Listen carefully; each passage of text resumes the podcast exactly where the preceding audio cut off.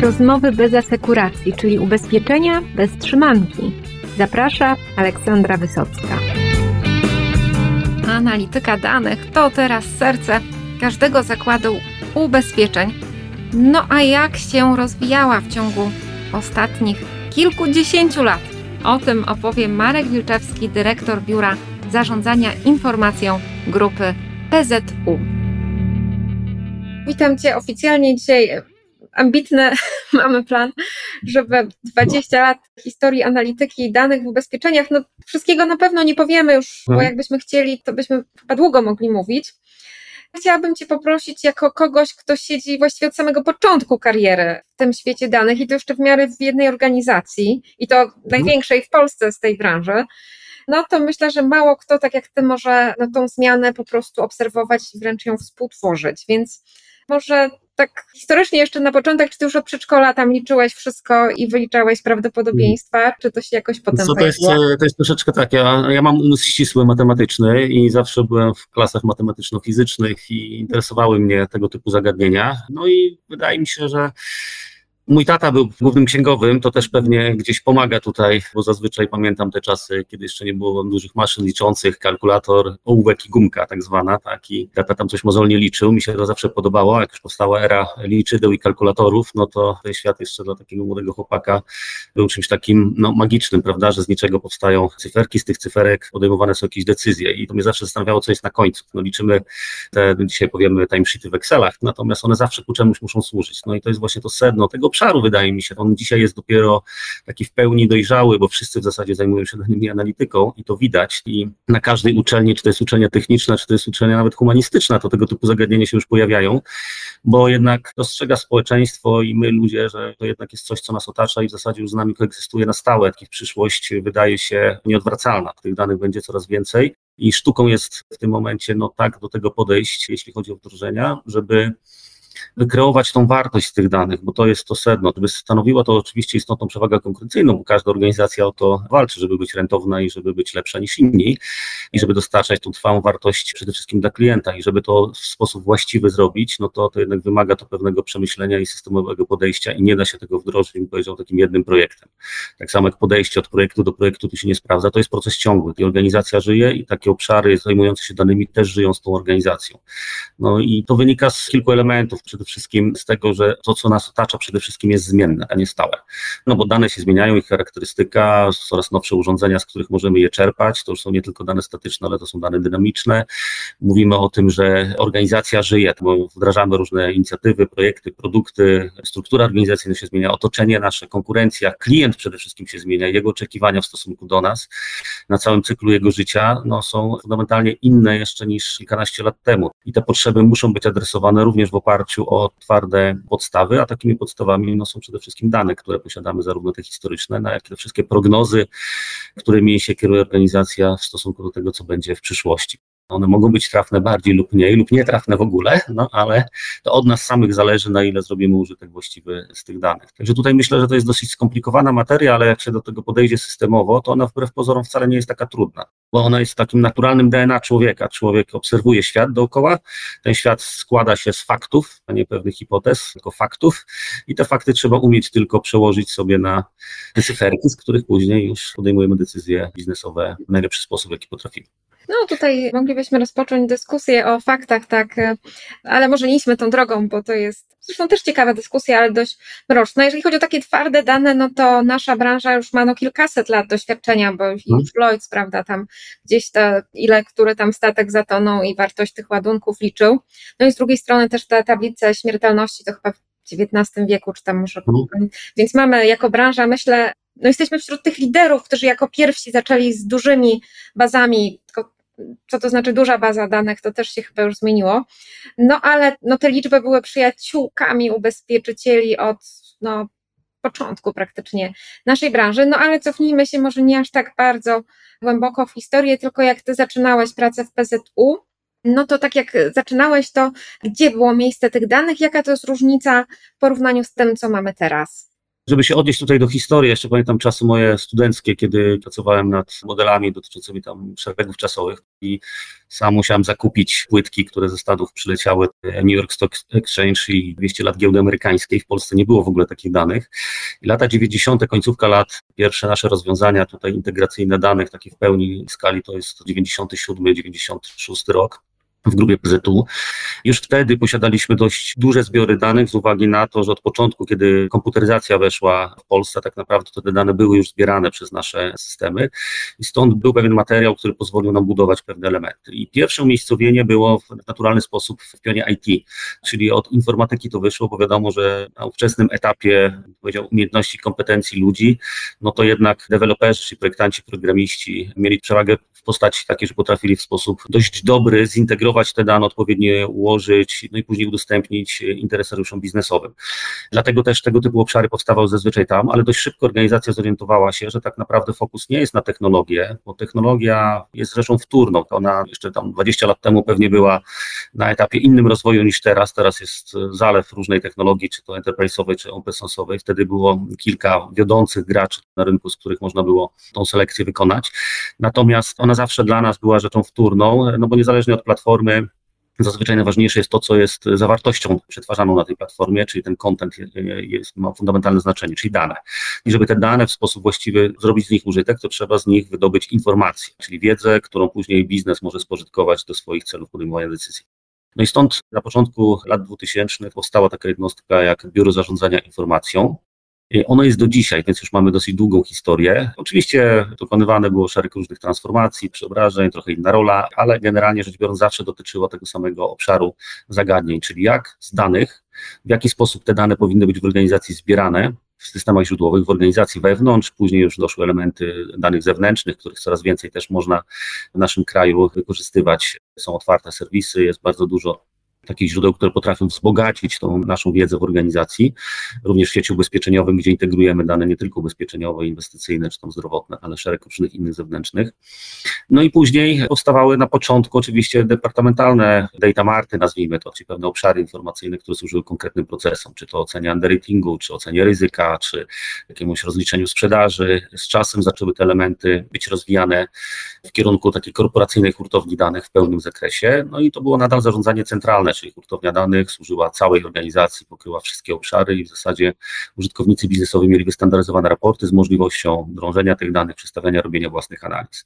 Dzisiejsza nasza rzeczywistość jest taka, że poszliśmy dość mocno w kierunku tak zwanego self-serwisu, czyli jednostki biznesowe samodzielnie wykonują pewne transformacje na danych, mają dostęp do hurtowni, mają dostęp do naszych narzędzi BI-owych, czyli ten Business Intelligence i mogą we własnym zakresie wykonywać bardzo wiele zapytań czy potwierdzania hipotez, zarówno takich ad jak i budowy takich trwałych, cyklicznych procesów. Oczywiście te korowe są nadal realizowane przez naszą jednostkę, tak żeby był w pełni ta informacja wiarygodna, odpowiednio zoptymalizowana, zautomatyzowana i powtarzalna, natomiast no, szereg elementów jest wykonywanych w biznesie. I teraz to, co jest ważne, w moim przekonaniu to, żeby w sposób właściwy tym zarządzić, bo nie sztuką jest wygenerować chaos informacyjny. Tak? Jeżeli mamy dużo użytkowników, my mamy kilkuset użytkowników takich, powiedział na poziomie takiego użytkownika zaawansowanego i parę tysięcy takich użytkowników, nazwijmy to lekkich, czyli BI-owych, którzy korzystają tylko z BI, no ale ci użytkownicy bardziej zaawansowani, no oni tworzą pewną wartość, oprócz tej wartości, którą my dostarczamy jako jednostka, tworzą włas wartość własną. No i teraz chodzi o to, żeby pewną standaryzację tutaj wykreować, czy to kulturę BI prowadzić tak w organizacji, żeby ta standaryzacja pojęć, miar, wymiarów, hierarchii stosowanych, słowników mm, była jedna, żebyśmy wszyscy w organizacji dbali o właściwą jakość informacji, to jedno źródło prawdy, co jest trudnym zagadnieniem w dość skomplikowanych organizacjach, jeżeli nie mamy wdrożonych w pełni dojrzałych procesów data governance'owych z odpowiedzialnością właścicieli danych, bo to jest kluczowe, że za dane organizacji nie odpowiada jedna jednostka typu właśnie takie biuro zarządzania informacją, tylko cała organizacja odpowiada za to, żeby te dane były właściwe na każdym etapie, zarówno wejścia danych do organizacji, jak też procesów przetwarzania, no i na końcu udostępniania tej informacji. I to jest dość trudne zagadnienie, tak, bo tych interesariuszy może być wielu, więc ci właściciele danych, właściciele biznesowi systemów, uczestnicy procesów, eksperci dziedzinowi, tam jest szereg ról, które w taki proces muszą być zaangażowani i to musi być odpowiednio wysoko zamocowane, tak żeby organizacja wiedziała, że to jest ważne, a zazwyczaj jakość danych no, przegrywa mimo wszystko z procesami biznesowymi. No, tak ten świat jest zbudowany, więc to jest taka walka, którą trzeba w organizacji każdej toczyć, ale efekty są nie od razu, ale są po jakimś czasie, ale są duże, w związku z tym ta wartość, ona jest, każdy chciałby mieć kompletne, wiarygodne informacje, ale zadbać o nie to niekoniecznie i tą wartość dopiero po latach się obserwuje, jeżeli decyzje podejmowane w oparciu o te dane są wiarygodne. Także tak w dużym słowa skrócie pewnie możemy tutaj ten wątek jeszcze kontynuować. Wydaje mi się, że jeżeli chodzi o dbanie o tą jakość, no to tutaj prostota jest kluczowa, w sensie, żeby było łatwiej dbać o przekazywać dane jakościowe niż niejakościowe. No i teraz widać, że nawet tam od tej strony klienckiej to już systemy dbają, czy te numery WIN, wszystkie PESEL, inne rzeczy są prawidłowe, nieprawidłowe, to jest weryfikowane. Więc im mniej myślenia generalnie, to myślę, tu się zgadzam. Na pewnym szczeblu oczywiście, tak, bo gdzieś to jest, ale jeżeli chodzi o jakieś drobne błędy, no to myślę, że tu technologia bardzo pomaga. Technologia na pewno tak, ale też procesy, bo cała sfera zarządzania danymi składa się w zasadzie z takich czterech fundamentalnych kwestii. To są dane, które posiadamy w organizacji, sama organizacja, w jaki sposób jest setupowana i tym zarządza, procesy, które wykryjemy i technologia. No i teraz te procesy też są istotnym elementem, no bo siłą rzeczy, owszem, technologia i te systemy, o których wspomniałaś, wspierają na pewno tą wyższą jakość danych, którą możemy osiągnąć w organizacji, no ale to zawsze jest kosztem czegoś.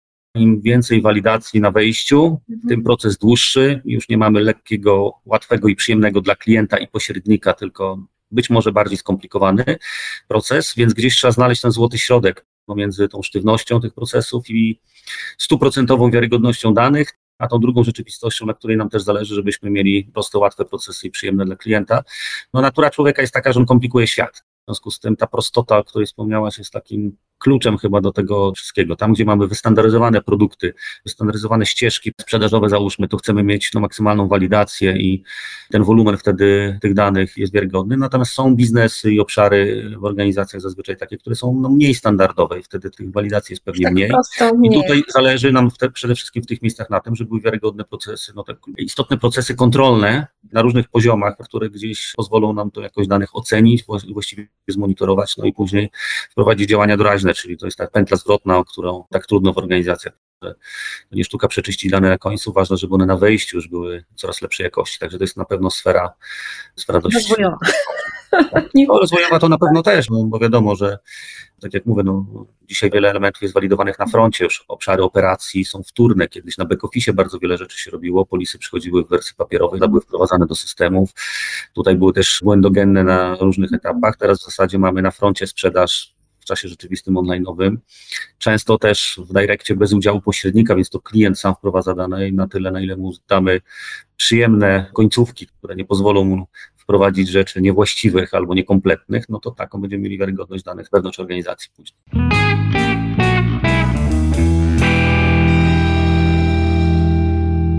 No i do tego dochodzą różne tam integracje z bazami.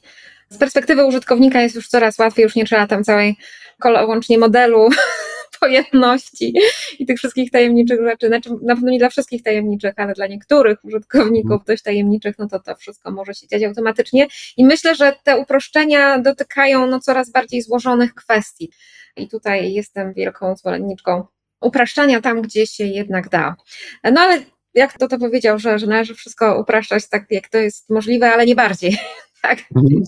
No dobrze, więc to, co jeszcze chciałam tutaj podpytać, to o takie jakieś szczególne kamienie milowe, tak subiektywnie, takie wdrożenia, mhm. które pamiętasz, które takie game changery, jak to się mówi, że mhm. przedtem było inaczej, a potem było inaczej, że ta zmiana rzeczywiście była odczuwalna biznesowo, czy to są bardziej takie po prostu kolejne stopnie i trudno coś tutaj wyróżnić? Jak ty to widzisz? Myślę, że tak, że każdy projekt, inicjatywa, która była realizowana, ona miała pewien cel do wykonania i tutaj nie można pewnie wyróżnić takiego jednego świętego grala. No ważne, myślę, takie fundamenty, które gdzieś tam sobie w tej chwili skanuję, to tak, przede wszystkim to, czy organizacja posiada ten jeden rezerwuar, taką korporacyjną hurtownię danych, która jest jedną wersją prawdy. I jeżeli posiada, bo to jest proces, który na początku zajmuje jakiś odcinek czasu. Zaczyna się od jakichś małych obszarów tematycznych, tak jak mówiłem na początku, później buduje się to, że w zasadzie całą organizację trzeba przystawić na tą kulturę business intelligence i analityczną, tak żeby z tej wersji prawdy zechciała skorzystać w sposób właściwy.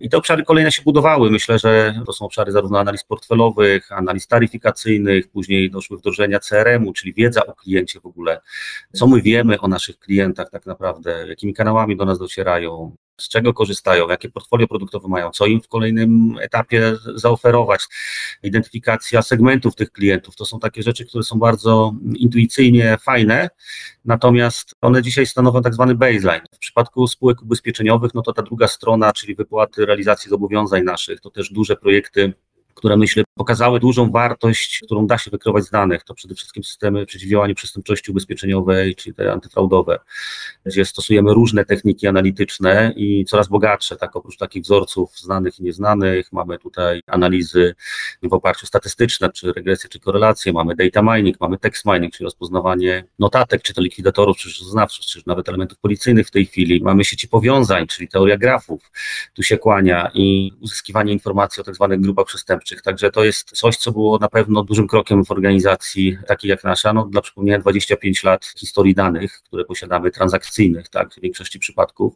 Także wiemy w zasadzie zarówno w tej części ubezpieczeniowej, inwestycyjnej, zdrowotnej, emerytalnej, kadrowej, o naszych pracownikach, o osobach współpracujących z nami, także cały ten ekosystem informacji jest takim fundamentem. No tu, żeby odnieść skalę tego zjawiska, to żeby nie zdradzać tu jakichś tajemnic, to powiem tylko tak, że my integrujemy ponad 100 systemów źródłowych z różnych elementów wewnętrznych i zewnętrznych w grupie PZ w tych wszystkich spółkach. Posiadamy blisko już w tej chwili 100 tysięcy atrybutów o różnych obiektach, czy to o kliencie, czy to o umowie ubezpieczenia, czy o szkodzie, świadczeniu. Także proszę sobie wyobrazić 100 tysięcy informacji, takiej płeć, wiek, prawda, na początku odpowiedzialności i tak dalej, i tak dalej. To jest bardzo dużo informacji i teraz fundamentem jest chyba poukładanie tego w taki sposób warstwowy, żeby udostępnić odbiorcom to, co im jest naprawdę istotne, bo, bo tak jak mówię, no zalew informacyjny jest łatwy do wykreowania i ten szum nie pomaga tutaj w uzyskaniu tej wartościowej informacji. Z drugiej strony to takie dwa projekty duże, analityczne. Do dzisiaj świat się epatuje machine learningiem, sztuczną inteligencją, to wszystko dookoła nas jest w zasadzie z każdego miejsca wybrzmiewa. Natomiast my w latach 2000 już wdrażaliśmy modele data miningowe w oparciu o sieci neuronowe i to nie jest nic innego, tak? To zostało opakowane troszeczkę inaczej teraz, natomiast pod spodem oczywiście są inne techniki analityczne, bo to się troszkę zmienia, ale filozofia jest dokładnie ta sama. Także to było, jest i będzie w przyszłości coraz łatwiej dostępne i coraz powszechniejsze. I to są takie dwa obszary. Myślę, że procesy taryfikacyjne w ubezpieczeniach to też jest taki obszar, który dość mocno się rozwijał w ostatnich latach i tutaj wykorzystanie tych danych pod kątem underwritingu, kwestii procesów reasykuracyjnych przy takim wolumenie jest rzeczą kluczową. Wdrożenie dobrej technologii pomaga też, tak, żeby ona była przyjemna i łatwa dla użytkownika, stąd my robiliśmy takie projekty integracyjne, konsolidacyjne w wielu miejscach, bo zbyt wiele technologii rozprasza użytkowników. Oczywiście dzisiaj ludzie przychodzą do pracy, każdy zna dwie, trzy technologie różne oprócz Office'a, natomiast ta demokracja musi być też regulowana w odpowiedni sposób. No, nie sztuką jest wdrożyć 17 różnych technologii, tylko je tak mieć dwie, trzy wiodące, na które stawiamy i rozwijać naszą wizję realizacji obszarów takich informacyjnych wraz z wizją rozwoju dostawców, bo to jest bardzo ważne, ten vendor management, czyli zarządzanie relacjami z dostawcą musi być takie symetryczne. To znaczy my jesteśmy ważnym klientem dla takich dostawców i taki dostawca jest dla nas bardzo ważnym klientem i chcemy razem się rozwijać. To my podpowiadamy, w którą stronę rozwijać również narzędzia, po to, aby one adresowały jak najwięcej potrzeb, które zgłaszają nam z kolei nasi użytkownicy. Więc to musi być taka symbioza jak chuba drzewna, bym powiedział niemalże, tak, że te rozwiązania są coraz bardziej dopasowane do potrzeb. Z dużych zwrotów tak inwestycyjnych jeszcze myślę, no myślę, że ten świat nowy, który próbujemy ze startupami, z innowacjami, to jest coś, co w tej chwili jesteśmy na początku, myślę, jako organizacje w Polsce, zresztą nawet na świecie jest wiele takich rozwiązań, natomiast sztuką jest wybrać te odpowiednie rodzynki, które dadzą nam tą wartość. I wiele takich innowacyjnych projektów w tej chwili jest realizowanych i było zrealizowanych w PZU, zarówno w obszarze zdrowotnym, tu mówię w obszarze telemedycyny, nie wiem, rozpoznawania pewnych jednostek chorobowych, symptom checker, w telemetrii, tu mówimy o teledetekcji upraw rolnych z satelit, tak żeby okresy wegetatywne sprawdzać. Mówimy o PZU Go, czyli telemetrii w przypadku stylu jazdy i kierowców po to, żeby tutaj uzyskać lepszą zniżkę powiedzmy na produkty dla klientów bezszkodowych i o lepszym stylu jazdy. W tej chwili za chwilę ubezpieczyciele dostaną dostęp do punktów karnych i mandatów. To też będzie na pewno taki element, który wesprze procesy taryfikacyjne, tak jakby jeszcze w sposób bardziej właściwy nadawać preferencje ludziom, którzy dbają o to bezpieczeństwo i tą profilaktykę u siebie, w swoim otoczeniu, a karać tych, którzy jednak no, stanowią pewne zagrożenie dla innych, tak żeby dbać jeszcze o to, co się będzie tutaj w społeczeństwie działo, tą wartość. Ubezpieczyciele mają dużą misję do wykonania, bo to zawsze w zasadzie tak dbają o tą prewencję i uświadamianie I to jest coś, co stanowi pewien poziom zaufania do ubezpieczycieli wśród naszych klientów. Więc tutaj staramy się te obszary w sposób również tutaj zagospodarować pod tym kątem. Także kolejne etapy to myślę są kolejne projekty, inicjatywy, które wdrażały i myślę, że tak, no wdrożenie od strony procesowej, jeszcze tak kończąc już ten wątek, to myślę z takich wartych rzeczy, to data governance już mówiliśmy o tym ułożeniu odpowiedzialności za dane. Drugi taki proces istotny to jest zarządzanie popytem, czyli demand management, czyli mówimy o tym, które obszary rozwijamy i o tym decydują jednostki biznesowe na podstawie najfajniej biznes case'ów, ale nie dla wszystkich inicjatyw da się biznes case zbudować, ale jednak organizacja powinna stawiać na rozwój tych obszarów, które przynoszą i kreują największą wartość, czy tą monetyzację danych. Więc to jest ważne, żeby wdrożyć takie procesy, że to biznes na podstawie swoich projektów, inicjatyw i strategii firmy wybiera te elementy rozwoju danych, które są istotne. I trzeci duży proces, który warto zadbać, to jest SLA. Niewiele firm ma wdrożonych odpowiedni poziom realizacji usług, dostępności, wydajności narzędzi w takiej skali jak u nas w grupie PZU, gdzie biznes ma gwarancje zarówno w zakresie umów standardowych, jak i dedykowanych, to jest tam kilkadziesiąt usług, pewnie ze 250 KPI, które non-stop monitorują tak naprawdę kompletność, jakość, terminowość dostarczania danych, czy tą wiarygodność, no i oczywiście performance tych narzędzi, z których biznes korzysta. Czwartym takim uzupełniającym to jest ten vendor management, czyli te relacje z dostawcami, bo tak jak mówiliśmy, no to jest jedno bez drugiego nie może funkcjonować. I dopiero po jakimś czasie organizacje wdrażają tego typu procesy, które są istotą tak naprawdę w dostarczaniu tej wiarygodnej informacji.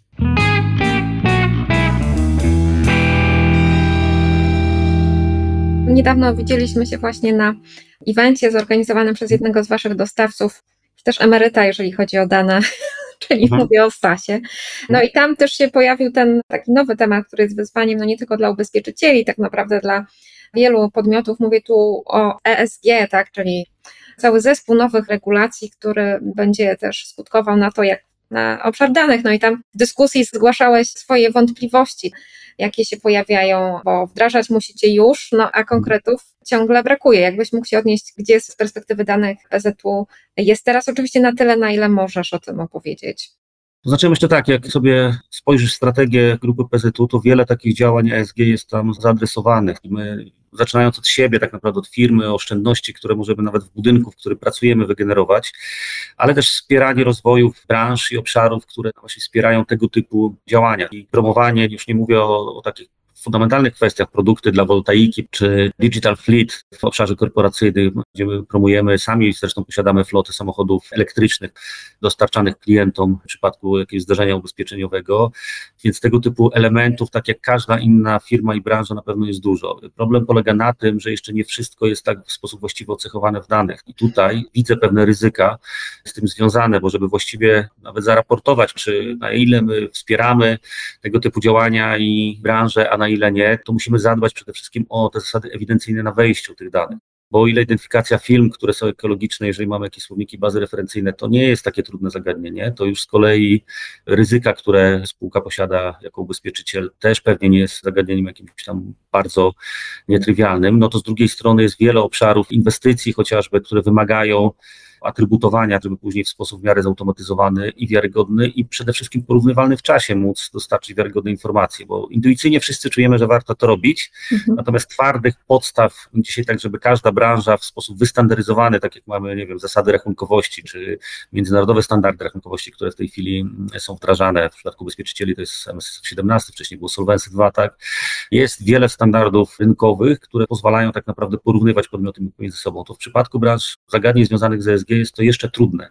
Myślę, że świat dookoła nas dopiero zdał sobie sprawę, że przyszłość, jeżeli o nią nie zadbamy tu i teraz, no nie będzie różowa i dbamy o to, co będą pokolenia za nami miały. W związku z tym myślimy długoterminowo i tutaj ubezpieczyciele mają tą przewagę, że my od zawsze myślimy długoterminowo. Modele projekcji rozwoju naszych portfeli i tego, co się zadzieje za lat 100, bo mamy ubezpieczenia na whole life, tak, czyli do końca życia, jak to się mówi, czy na życie do życia, czy inne zabezpieczenia emerytalnego, to my musimy prognozować tego typu zjawiska. Podobnie jak się prognozuje, nie wiem, pandemia na przykład wśród ubezpieczycieli, tak były stres testy na okoliczność tego zjawiska. Wydawało się to zjawisko rzadkie. No, Hiszpanka była w czasach bardzo dawnych, dużych zjawisk pandemicznych w naszym kraju na szczęście nie. I proszę, zadziało się, tak? I ubezpieczyciele byli bardzo przygotowani. To zresztą widać doskonale, czyli poziom pokrycia rezerwami tej przyszłości, nie tylko na zdarzenia pojedyncze, ale zdarzenia też takie masowe, jest właściwe, bo ta rentowność jest utrzymana i spółki w tej chwili no, nie cierpią aż tak bardzo pod kątem tego, że ta pandemia się zdarzyła. Takiej recepty nie mam tutaj. Myślę, że równolegle z dyskusjami o ESG powinniśmy już dzisiaj rozmawiać o tym, jak my chcemy to raportować, monitorować i zbierać przede wszystkim te informacje, w jakich kategoriach, bo te elementy taksonomiczne, taksonometry te regulacje, które w tej chwili są dostępne, to one są jeszcze dzisiaj na zbyt dużym poziomie ogólności. I myślę, że będą te dyrektywy przekładane później z kolei na te regulacje wewnętrzne, krajowe i coraz bardziej wyszczegóławiane, no ale to jest też proces, który pewnie kilka lat zajmie i myślę, że jak tą rozmowę będziemy toczyli za lat pięć, to będziemy już na innym poziomie. Będziemy e, musieli. Tak, Tutaj mogli, prawo mogli pomaga, tak, bo zmusza do tego. No tylko wcześniej zacząć o tym rozmawiać, to potem tym mniejsze rozbieżności, bo jeżeli każdy będzie tak dla siebie wymyślał, to potem będziemy mieli no, brak standardu, tak? No więc tak i kolejne problemy, żeby to ujednolicać, więc no cóż, jest ciekawie, więc mam nadzieję, że tutaj będą rozmowy na ten temat, tak żeby jakoś wspólnie dojść do jakichś takich punktów zgody. No chętnie jak coś się będzie działo, to też proszę o informacje. Nie wiem, jak tam Polska Izba, ale pewnie to jeszcze na szczeblu europejskim będzie coś się działo, bo wszyscy muszą, więc prawdopodobnie to się przełoży na jakieś takie konstruktywne działania. No dobrze, to już tak zupełnie na sam koniec, taki twój ulubiony projekt, nad którym teraz pracujecie, takie, czy masz jakieś takie złote dziecko teraz, coś, co cię cieszy i masz wrażenie, że rzeczywiście w biznesie mhm. będzie rozwojowe? My w tej chwili z takich dwóch dużych inicjatyw, które rozwijamy w obszarach, które do pewnego elementu mamy wdrożone już w organizacji, czyli mamy zbudowane procesy związane z kreowaniem wiedzy o tym, co robimy o naszych klientach, czyli tą analitykę taką w pełni zakresie, nazwijmy to bazodanową, o historii i o prognozowaniu przyszłości. To, co w tej chwili robimy, to rozwój tej analityki w kierunkach zarówno obszaru CRM-u, czyli podłączenie naszych kanałów zdalnych i wykorzystanie tutaj CRM-u interakcyjnego, czyli całe te zdarzenia behawioralne naszych klientów, gdzie chcemy im personalizować dedykowane oferty i z drugiej strony domykać nasze ścieżki sprzedażowe i zarządzać tą całą atrybucją i cyklem życia. I drugi projekt w obszarze wpływu świadczeń, czyli wszystkie takie projekty, inicjatywy dotyczące kierowalności, kierowalności i realizacji naszych procesów, które w obszarach danych składają się z zarówno takiego tradycyjnej analityki bazodonowej, jak i tego świata real-time'owego, wynikającego z online'owości i wpięcia w kanały cyfrowe. Więc ta koegzystencja jest dosyć trudna, bo organizacje zachwystują się tą analityką i wiele rozwiązań robią punktowych, a my chcemy to wszystko połączyć ze sobą i stworzyć taką hybrydę, czyli wykorzystać największe nasze wartości i wiedzę, kompetencje, i umiejętności w świecie tym tradycyjnym, ale też uzupełnić to o ten świat innowacyjny i wydaje się, że to będzie duża wartość i nasza przewaga, bo dysponujemy ogromną ilością danych, dysponujemy technologiami, które pozwalają to zrobić i dysponujemy metodami, czyli mówimy tutaj o tym governance i spięciu tak naprawdę tych elementów.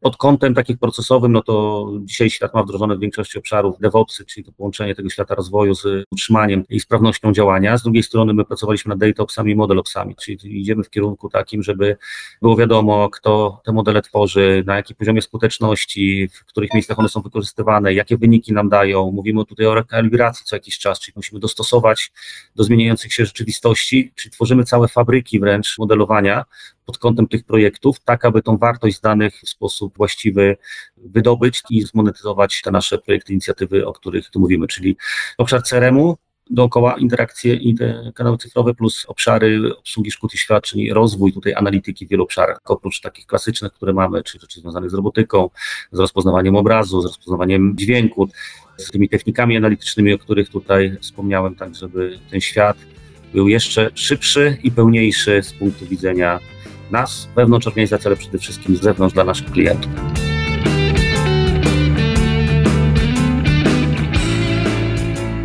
Bardzo ciekawe, jak analityka danych w ubezpieczeniach będzie się zmieniać, no i co będzie się działo w tym temacie za kolejne 20-25 lat, to chyba nie do przewidzenia. Może już nas wszystkich zastąpi sztuczna inteligencja, ale na razie cieszmy się, póki jeszcze jesteśmy my, białkowe interfejsy, potrzebni. Dziękuję za wysłuchanie tego odcinka i do usłyszenia w kolejnych.